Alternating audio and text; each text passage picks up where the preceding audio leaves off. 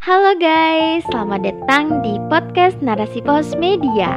Kali ini Putri akan membawakan naskah teenager dari Yana Sofia yang berjudul Pacar Sewaan dan Talent Sleep Call Buntut Generasi Sakit. Tetap stay tune ya dari awal hingga akhir sehingga tidak akan ketinggalan info-info yang menarik. Hai guys, pernah dengar nggak istilah pacar sewaan? Nah, di Jepang sendiri, layanan berupa sewaan pacar ini sangat mudah ditemui loh. Di Indonesia sendiri ada layanan talent sleep call namanya. Pelanggan cukup memilih talent dan jenis jasanya, layanan teleponan, chatting, hingga pacar virtual dengan tarif yang beragam.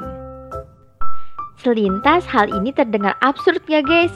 Kenapa masyarakat mayoritas muslim mengadakan muamalah yang bisa mendatangkan bahaya zina ya? Namun, inilah faktanya. Dua jenis jasa ini memang rawan berujung pelecehan seksual, seperti yang diungkapkan oleh Farija, salah satu penyedia talent sleep call. Beliau mengungkapkan, pernah juga ada talent yang mendapatkan pelecehan seksual yang mayoritas korbannya adalah perempuan. Gimana guys? Potret generasi kita saat ini jauh banget dari gambaran pemimpin peradaban.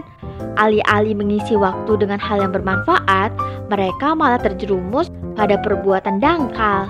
Inilah buah dari penerapan sistem kapitalisme dalam kehidupan.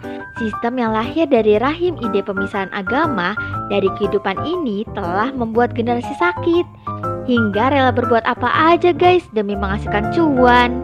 Sistem kapitalisme memang berorientasikan materi dan keuntungan guys. Jadi jangan heran jika segala sesuatu akan dilakukan demi mendapatkan cuan. Termasuk berbisnis dengan cara-cara batil yang melanggar syariat, bahkan mengabaikan risiko keselamatan.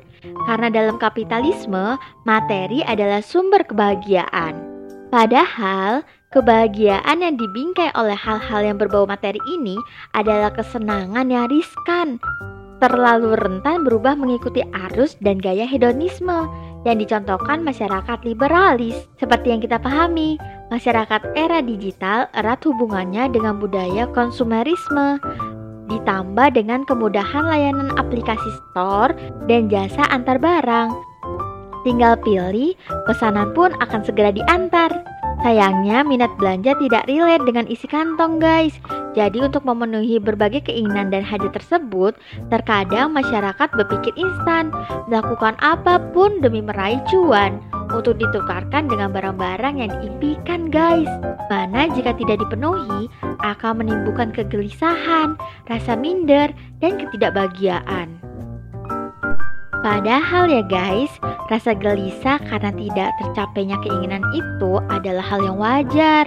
Karena fitrah manusia yang lahir dari naluri ingin memiliki yaitu gorija bako.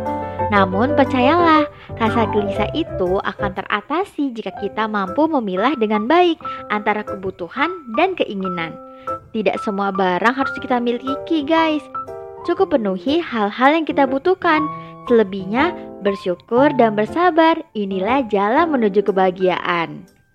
Tentu saja, fitrah manusia selanjutnya adalah tunduk dan patuh pada perintah Allah. Melakukan apa yang Allah perintahkan dan menjauhi apa yang Allah larang. Komitmen ini adalah bagian dari iman yang akan menimbulkan kegelisahan bagi individu yang melanggarnya. Maka dari itu guys, kita melihat para koruptor itu tidak pernah puas dengan harta yang dititipkan sehingga memakan harta yang bukan haknya.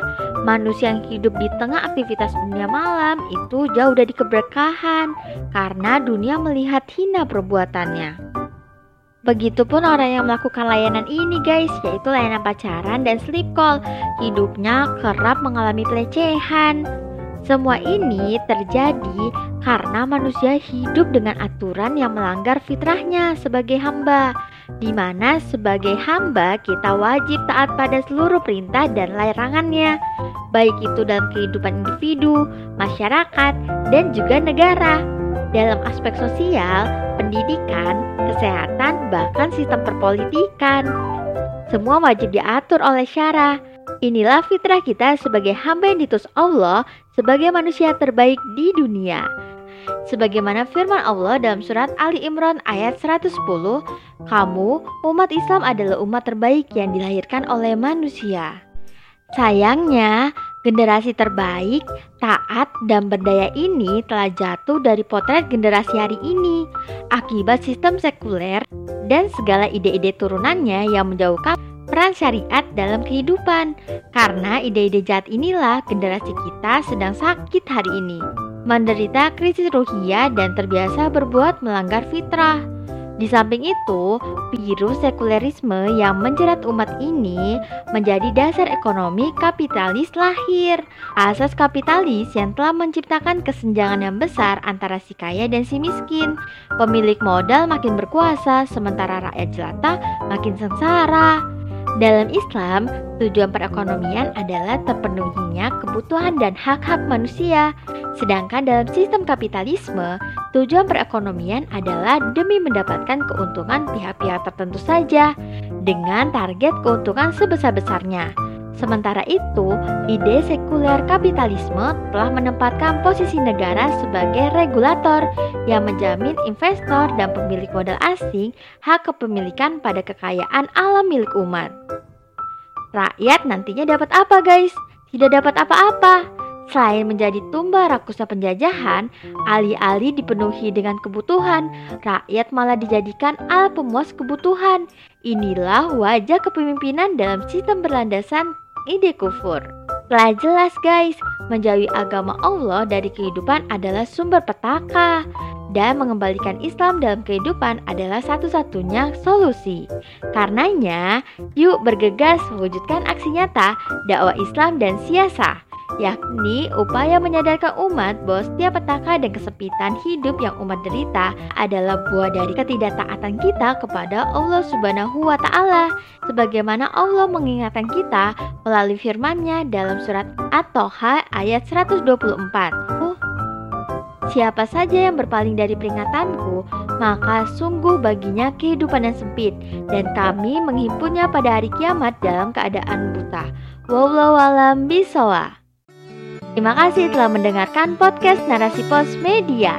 Jangan lupa ikuti podcast Narasi Pos Media dan juga share sebanyak-banyaknya agar dakwah kita tersebar luas. Terima kasih.